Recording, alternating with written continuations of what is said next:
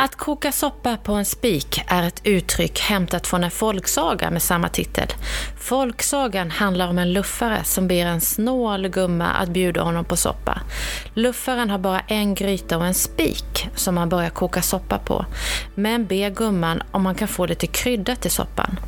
Genom att sedan fråga efter fler och fler ingredienser lyckas han till slut äta en ätbar soppa på spiken.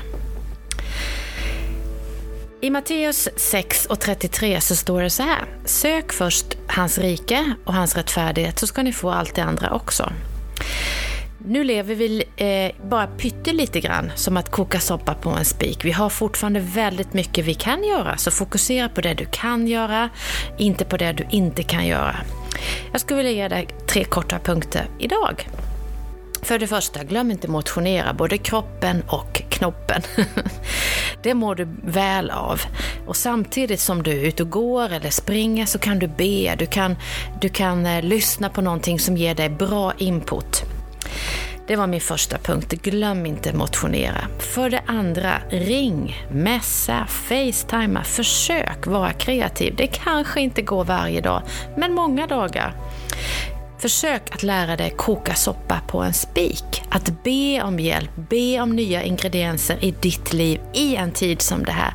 Skriv dagbok och skriv upp vad du lär dig i den här säsongen. Tänk och berätta det vidare till både barn och barnbarn. Det var min andra punkt. Ring, messa och facetima. Försök att vara kreativ.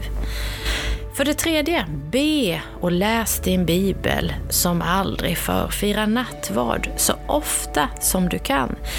I den här säsongen har jag och min man bestämt oss för att fira nattvard varje dag.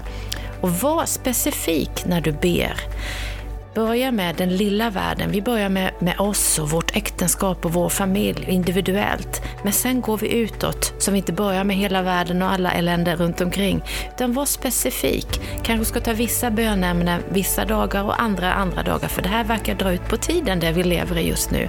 Men var specifik. Har du någonting som ligger på ditt hjärta, någon som du ber för speciellt, ta upp det i bön varenda dag och du kommer att få se bönesvar.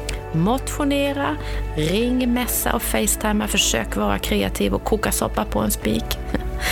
Och be, läs din bibel, fira nattvard så ofta du kan.